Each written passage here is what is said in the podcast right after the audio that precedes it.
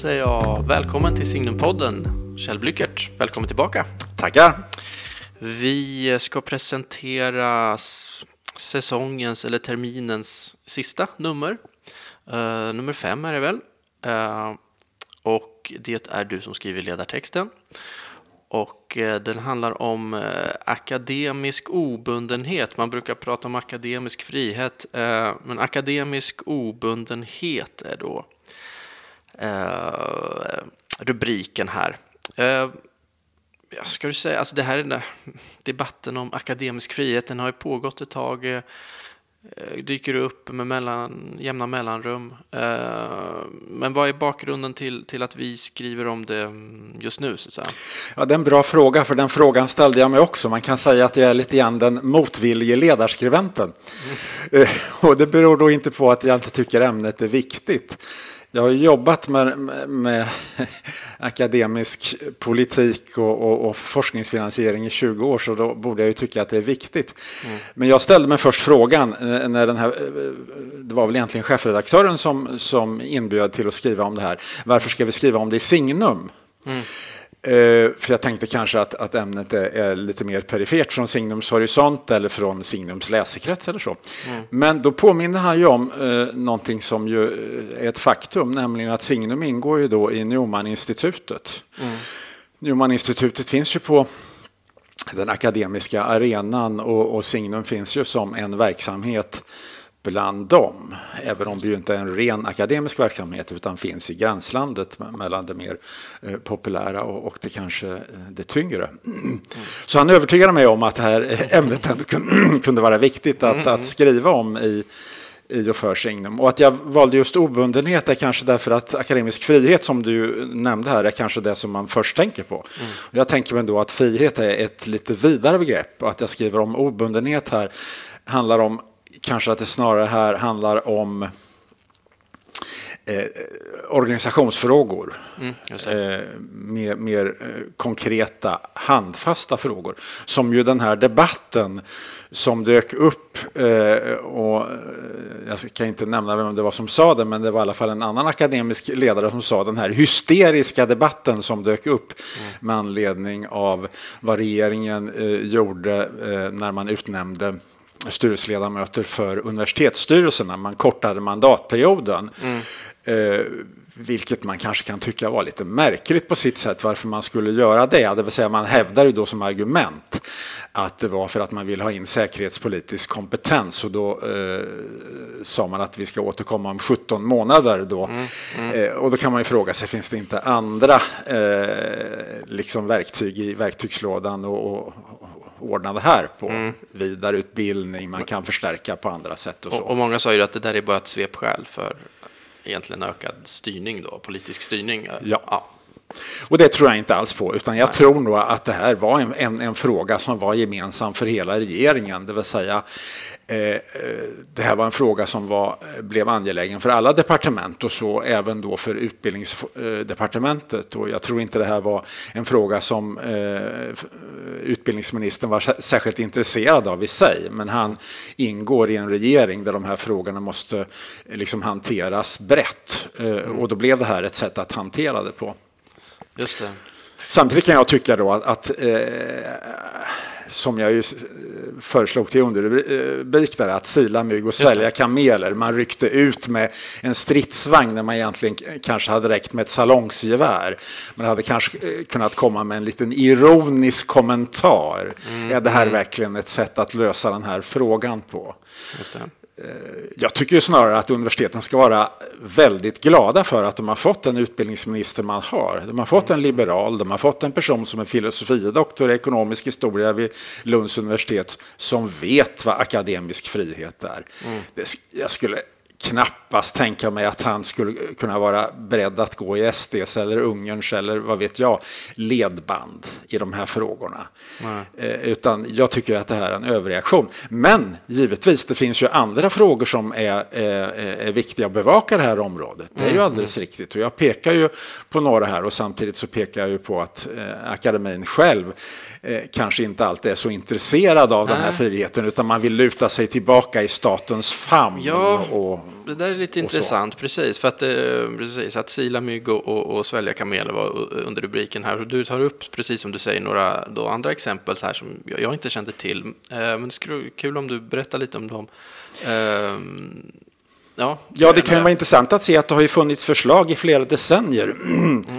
Redan prorektorn här vid Uppsala universitet, Lena Markusson, föreslog för 20-25 år sedan då eh, en förändrad status, alltså juridisk status för, för universiteten. Och, och som jag pekar på här så, mm, eh, så kom det ju en utredning då 2008-2009 av statsvetaren Daniel Tarschys med ett långtgående förslag till eh, obundenhet och att eh, universiteten inte längre skulle vara statliga förvaltningsmyndigheter utan få en egen juridisk status som aktiebolag eller sameby eller, eh, eller vad det nu finns för juridiska personer.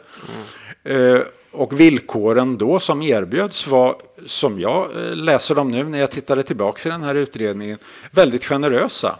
Mm. Eh, och den politiska viljan fanns. Eh, men inte från universitetens sida. Nej, men och du ställer den frågan också retoriskt. Och varför tog man inte den här chansen? Var, varför gjorde man inte det? Ja, man kan väl säga så här då. Den här frågan riktas ju egentligen inte då till de nutida akademiska ledarna. Nej. De kanske skulle svara också nu då eh, mm, att mm. den borde vi ha tagit. Utan till dåtidens ledare. Ja, man tittar på på remissvaren och tveksamheten där då så handlar det i stor utsträckning om ekonomin. Mm. Alltså att man tror att man får en bättre ekonomi om man är en statlig förvaltningsmyndighet, vilket mm. ju alls inte behöver vara fallet. Eh, Handelshögskolan i Stockholm eller Handelshögskolan i Jönköping eller Chalmers tekniska högskola mm. som inte är statliga förvaltningsmyndigheter, de har ju avtal med staten där de här frågorna regleras. Och staten mm. är ju intresserad av att ha eh, universitet och högskolor som är, eh, som liksom är, eh,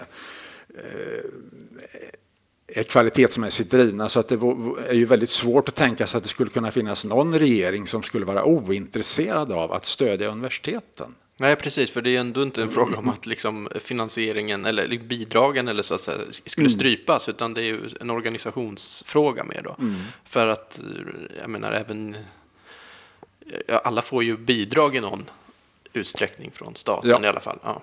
Men hur, något jag blir nyfiken på ändå den här, hur har den eh, liksom styrningen sett ut då från statligt håll? Liksom, hur mycket styrt har det varit? Vad, vad finns det för sådana här regleringsdokument? Liksom, hur, hur, är, hur kringskuren är då eh, liksom den akademiska friheten, eller kan säga, eh, för att de är då statliga förvaltningar? Eller vad man, så. Ja, det är ju statliga förvaltningsmyndigheter och alla statliga förvaltningsmyndigheter har ju regleringsbrev.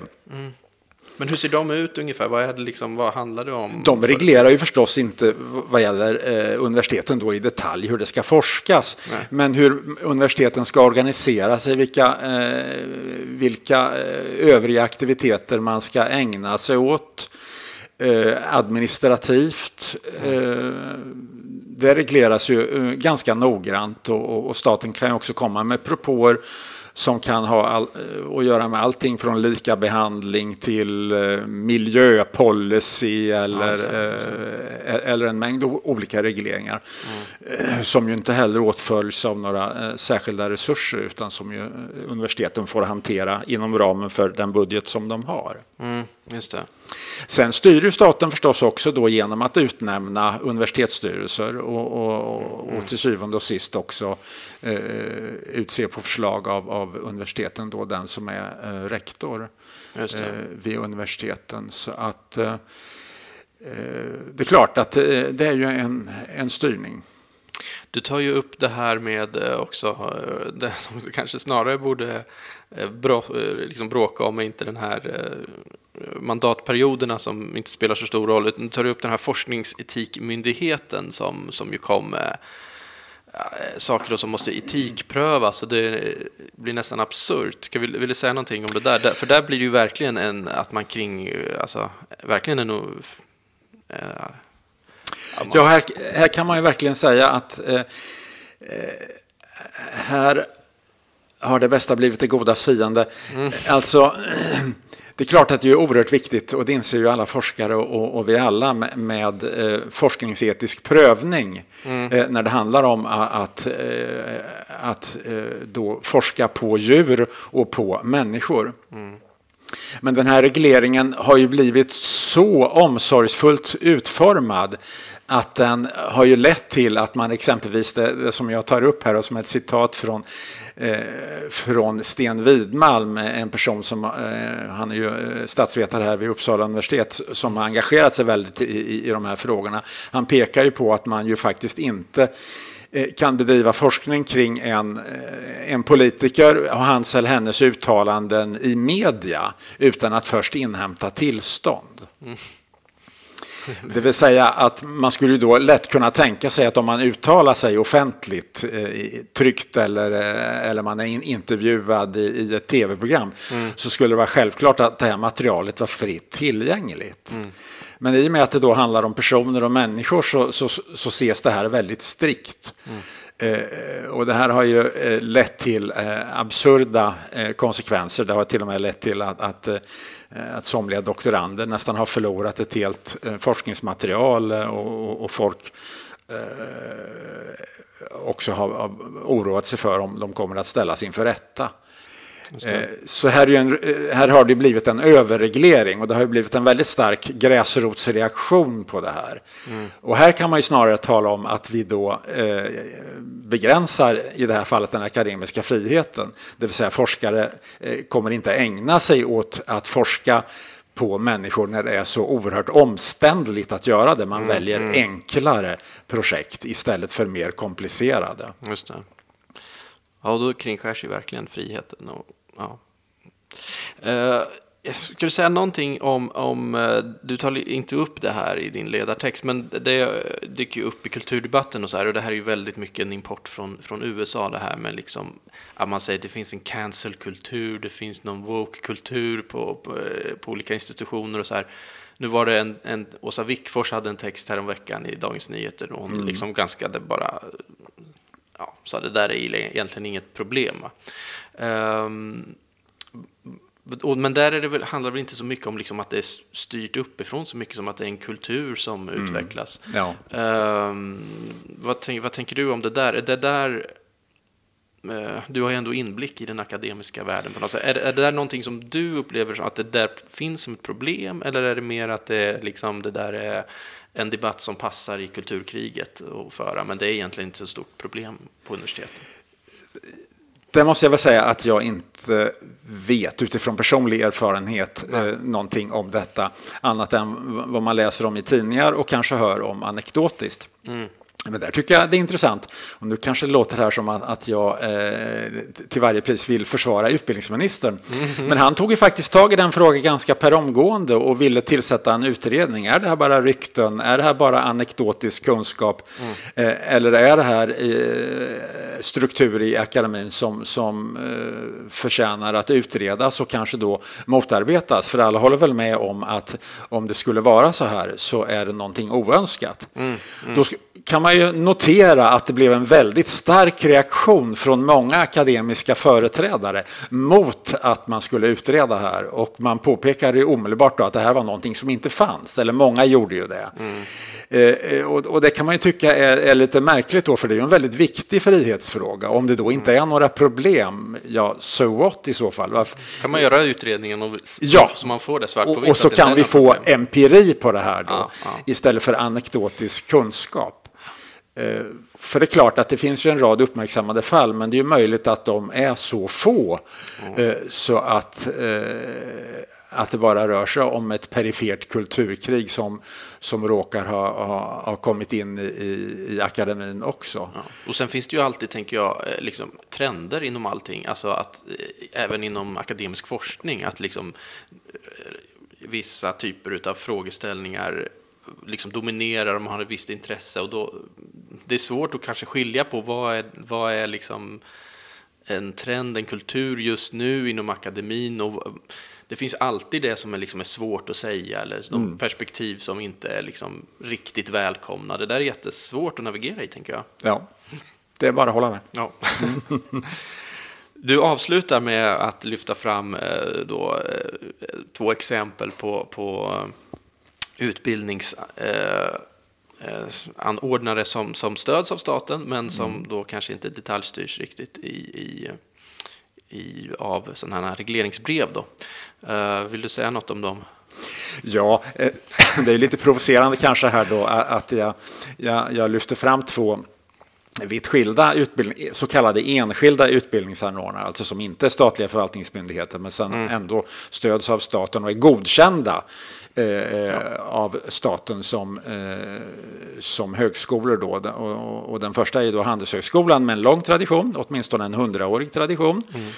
Eh, och, och Eh, man var på väg att förstatligas på grund av dålig ekonomi på 1950-talet men då ryckte ju näringslivet in mm.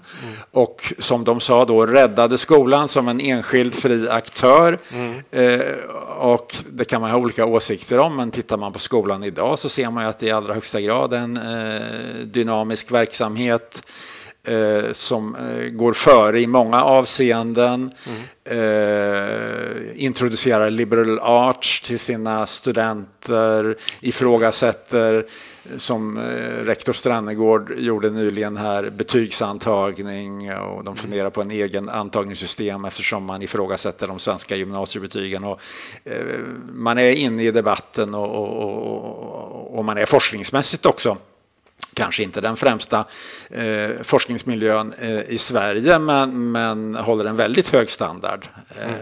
där.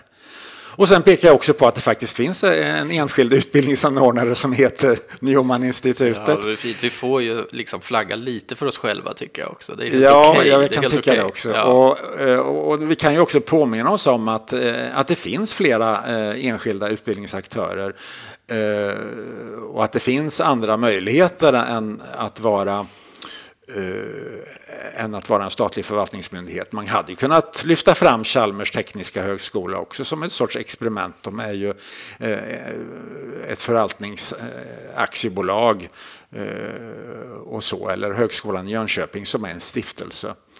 Mm och så. Så att eh, det finns andra möjligheter om man nu vill tala om akademisk obundenhet och, och, och, värna om denna obundenhet. Så, mm, mm. Men det är klart, det kostar på och det, det gäller att våga göra det också. Mm. Ja, men intressant. Vi får se. Det här kommer ju fortsätta att talas om i medier och vi får se vad som, hur det utvecklar sig. Uh, Ja, men så långt eh, ledaren då. Ska vi säga någonting också om övrigt innehåll i det här numret? Ja, eh, det är ju många intressanta sjok där. Vi kan ju nämna ja. något kort om, eh, om dem alla kanske. Ja. Eller om du vill att vi ska fastna vid något särskilt. Man kan ju se i början här så finns det ju två artiklar med anledning av den synodala processen. Mm. Eh, Magdalena Dahlborg, eh, redaktionssekreterare och redaktör, hon är något av en specialist skulle jag säga på ja. den synodala processen. Hon följer den ju noggrant nationellt och internationellt. Hon har, eh, tycker jag, väldigt konstruktiva synpunkter. Hon har mm. skrivit flera gånger, hon kommer och, och, och vi hade också ett, ett avsnitt i podden här där, ja. där hon pratade om det. Så ja, vi har ju det. fördjupat oss lite i det. Så att, ja, och personligen så, så, så, tycker jag väldigt mycket om vad hon skriver och särskilt mm. det här Eh, hon reflekterar ju ständigt återkommande till, till det här med lyssnande, hermeneutik, lyssnandets hermeneutik och, mm, mm. och dialog och så tycker jag på ett väldigt intressant sätt. Det är eh, själva kärnan i också vad påven har lyft fram. Ja, det handlar ja. om vi måste lyssna. Det är en lyssnande process framför allt. Ja, jo, visst. Och sen är det då en intervju eh, med en amerikansk kardinal som också fokuserar detta. Det handlar väl mer om, om kanske en sorts utvärdering av, av påvens eh, tioårsjubileum här men, det. men det fokuseras ju mycket också kring synoden som ju är på något sätt eh, lite grann av, av, eh, av eh, flaggan på hans flaggskepp. Mm, visst. Sen tycker jag också mycket intressant den här andra intervjun som vi har här eh, som eh, vår redaktionsmedlem Johan Stenberg som är professor vid eh, Lantbruksuniversitetet. Eh, nu kommer jag inte exakt ihåg vilket ämne det är. om det är växtgenetik eller något sånt där. Ja. Men hur som helst.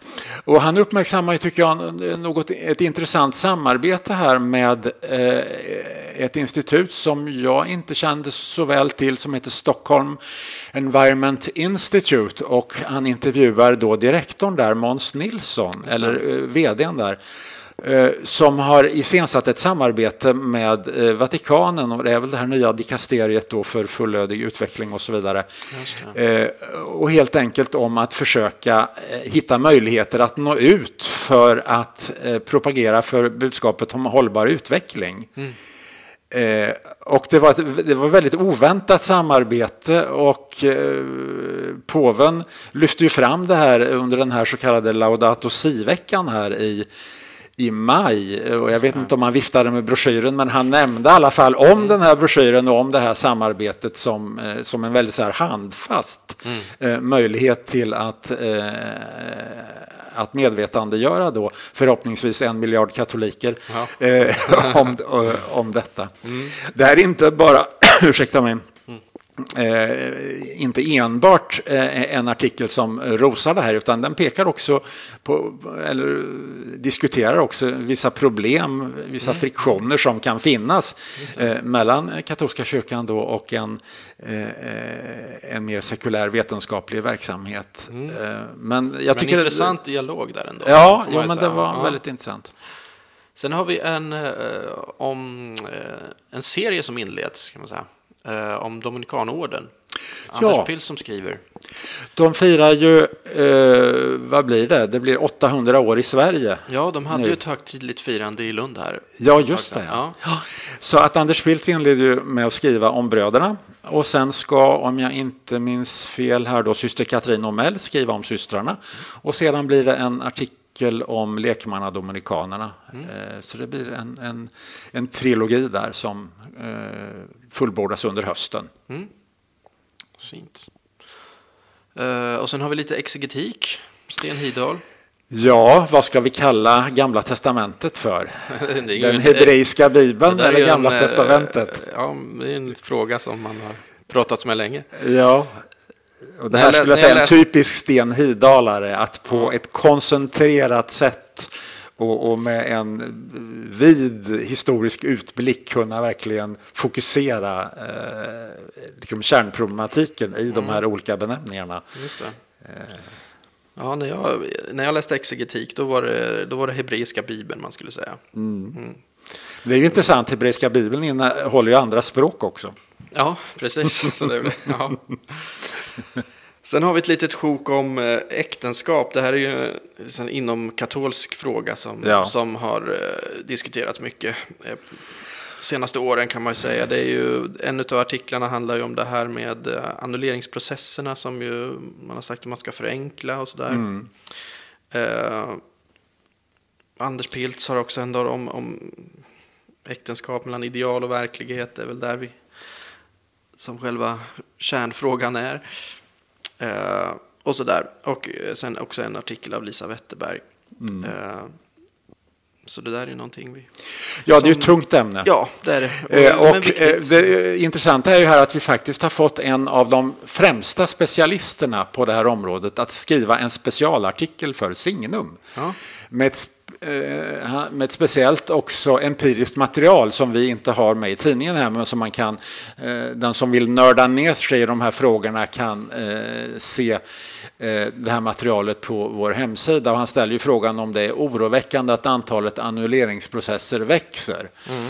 Och han svarar ju nej på den frågan.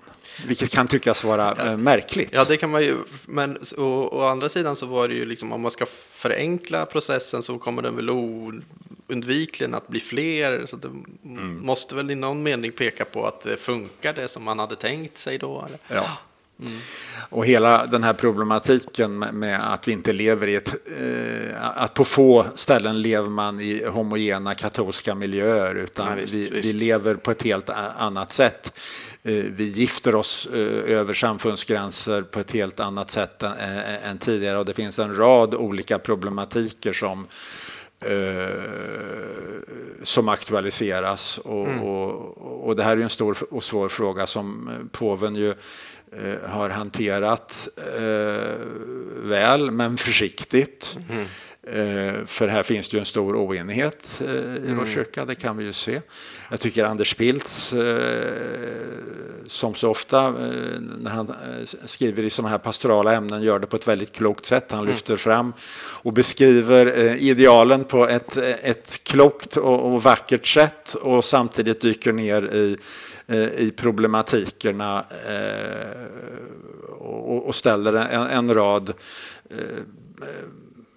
provocerande frågor. Mm. Ja, han är väldigt bra på det. Jag vill minnas att han har skrivit om den här frågan någon gång tidigare i sin Ja, och, jag tror till och med flera gånger ja, jag, har han gjort det. Och sen Lisa Wetterberg då, som väl har en erfarenhet som familjekonsulent med familjerådgivningsfrågor som, som på något sätt fördjupar problematiken ännu mer så att säga. Mm. Eh, och så. Har Men, erfarenhet liksom på, på golvet så att säga. Ja, mm. minst sagt. Mm. Eh, och det är väldigt viktigt tycker jag att lyfta in det man, så att man inte rör sig bara på en, ovanifrån ja. på någon slags. Eh, man kan ju säga att Anders Pilt ställer den, den, eh, den obehagliga frågan. Mm. är det egentligen så att det bara finns en synd som inte kan förlåtas? Ja, det, i slutändan blir ju den frågan. Ja. Ju, eh, och, och den är ju väldigt eh, problematisk. Ja, det, mm. när ställer man frågan så så blir det Mm. Får man tänka några varv. Ja. ja så är det. Sen har vi ett sjok med eh, tre texter om Pascal. Ja. Universalgeniet får man ja, väl kalla honom. Det är ju jätteroligt. Och det är en sån fin trio tycker jag. Vilken fin trio vi har fått som kan skriva om honom. Svante Nordin, Mårten Björk och Stig Strömholm. Ja. Alltså, jag läste förra året, det var en, en intressant artikel i Etude som mer som förberedde Pascal-jubileet då. Det är ju stort i, i Frankrike förstås. Ja. Och så tänkte vi att vi kanske skulle översätta den då. Men nu hampade det sig så att vi kunde få tre originalartiklar istället. Fantastiskt. Eh, eh och, och Svante Nordin eh, ställer ju frågan då om varför Pascal fortfarande är modern och, och, mm. och konstaterar att det inte bara är hans språk utan också det sätt på vilket han, han brottas med frågorna. Mm. Han är ju naturvetare i grund och botten. Mm. Eh, matematiker visst, visst, och tekniker kan jag säga. Han eh, sysslar med en rad tekniska eh, problem egentligen. Och sen hörde han ju till, till, till den, den mycket fromma, man får väl säga pietistiska kretsen kring det stora klostret Port Royal mm. eh, i Paris. Eh, och eh, Mårten Björk går ju vidare in då i egentligen hans teologi mm. och skriver ju, tycker jag, på ett väldigt intressant sätt uh, om, uh, om utifrån en bok som han recenserar samtidigt då uh, om pa Pascals kristologi. Just det. Mm. Och att, att syndafallet och, och dess stora betydelse för, för hans teologi vilket beskrivs, tycker jag, på ett väldigt fint mm. sätt. Stig Strömholm sen då, eh, som ju är en Pascal-lärjunge, kan man säga. Ja, mm. Han beskriver ju sitt liv tillsammans med Pascal. Mm. Eh, och, och, där det börjar då när han väl är i, i 20 eh, år gammal och, och, och köper eller har fått sin, sin, första, eh, sin första version av Brunswicks eh, edition av Pascals Pensée. Mm. Eh, och, och sen beskriver han, eh, kan man säga, på ett personligt sätt eh, då sitt liv eh, tillsammans med Pascal. Och det slutar ju då förstås i, i den berömda eldnatten, alltså sju år före Pascals död, när han får den här intensiva upplevelsen av, av, Guds, eh, av Guds närvaro. Mm. Och som han ju eh, skriver ner i ett fragment, en sorts beskrivning av som han sen låter sy in i sin överrock och som han bär med sig ända till, eh, till sin död. Mm. Och det var väldigt roligt att, att vi fick den här texten eh, av Strömholm. Jag skrev en gång en, eh, en liten essä, en festskrift till honom till hans 80-årsdag om mm. honom som religiös per, eh, person. Och konstaterar just att Pascal är hans följeslagare. Det var väldigt mm. intressant att, att, se det här nu att, och att det egentligen är ett tecken den här frändskapen som man har med Pascal eh, är ett tecken på att han är i den godaste bemärkelsen en kulturprotestant, alltså Strömholm. Aha, just det. Ja, ja, ja. Eh, det vill säga att han i, i djupet sympatiserar med den här radikala nådesläran ja, som finns hos Pascal. Det Så det är roligt att Pascal som var i fejd med jesuiterna, att vi kan i tre artiklar lyfta fram honom. Lyfta fram honom ja, det är inget ont blod där. Nej. Ja, men fint. Så har vi en bokrevy såklart som vanligt. Eh, någon särskild där som du tycker man ja, kan Ja, jag tycker ju då att den första där Mm. är väldigt rolig. Alltså, ja, det. Eh, det är ju ett bokverk som ska komma nu. Jag tror det väl är i tre band och det första bandet har kommit nu, nämligen eh, den svenska bokkulturens historia. Mm. Och nu har det första bandet som heter Codex kommit, boken i medeltidens Sverige och den får ju en entusiastisk recension Roligt. av Stina Fallberg Sundmark, eh, kyrkohistoriker, kyrkovetare här vid, eh, vid Uppsala universitet. Eh, så att eh, ja, det, mm. det, är en mm. sån där recension som gör att man vill kasta sig ja, över en det bok. Är kul. Det är kul när det är sådana.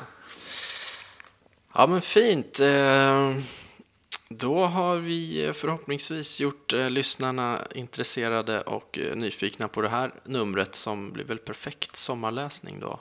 Kommer ut här precis, precis innan midsommar tror jag. Så jag tackar dig. Ja, vad roligt att få ja, komma hit. Ja, Tag och läs. Ja, tag och läs, precis, precis. Eh, så tack så mycket och eh, tack alla ni som har lyssnat och lyssna gärna på oss igen nästa avsnitt. Hej så länge.